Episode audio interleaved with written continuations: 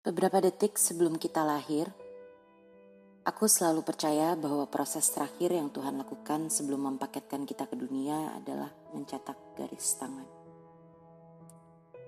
Mungkin Tuhan menginstruksikan para malaikat kepercayaannya untuk mencetak tangan-tangan mungil siap kirim ke dunia sebagai nomor identitas.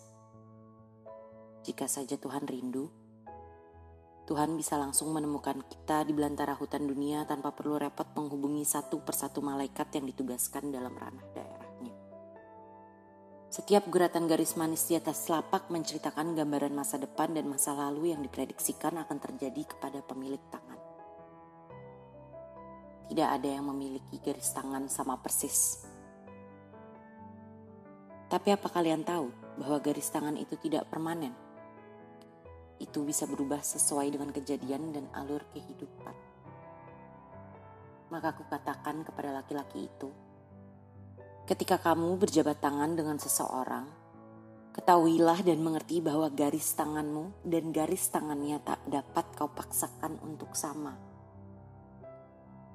Ingat, itu bukan pilihannya untuk memposisikan setiap posisi garis-garis itu dengan seksama itu pilihanmu untuk mau membaca hatinya dan mengerti garis tangannya, atau membaca garis tangannya tanpa mengerti hatinya.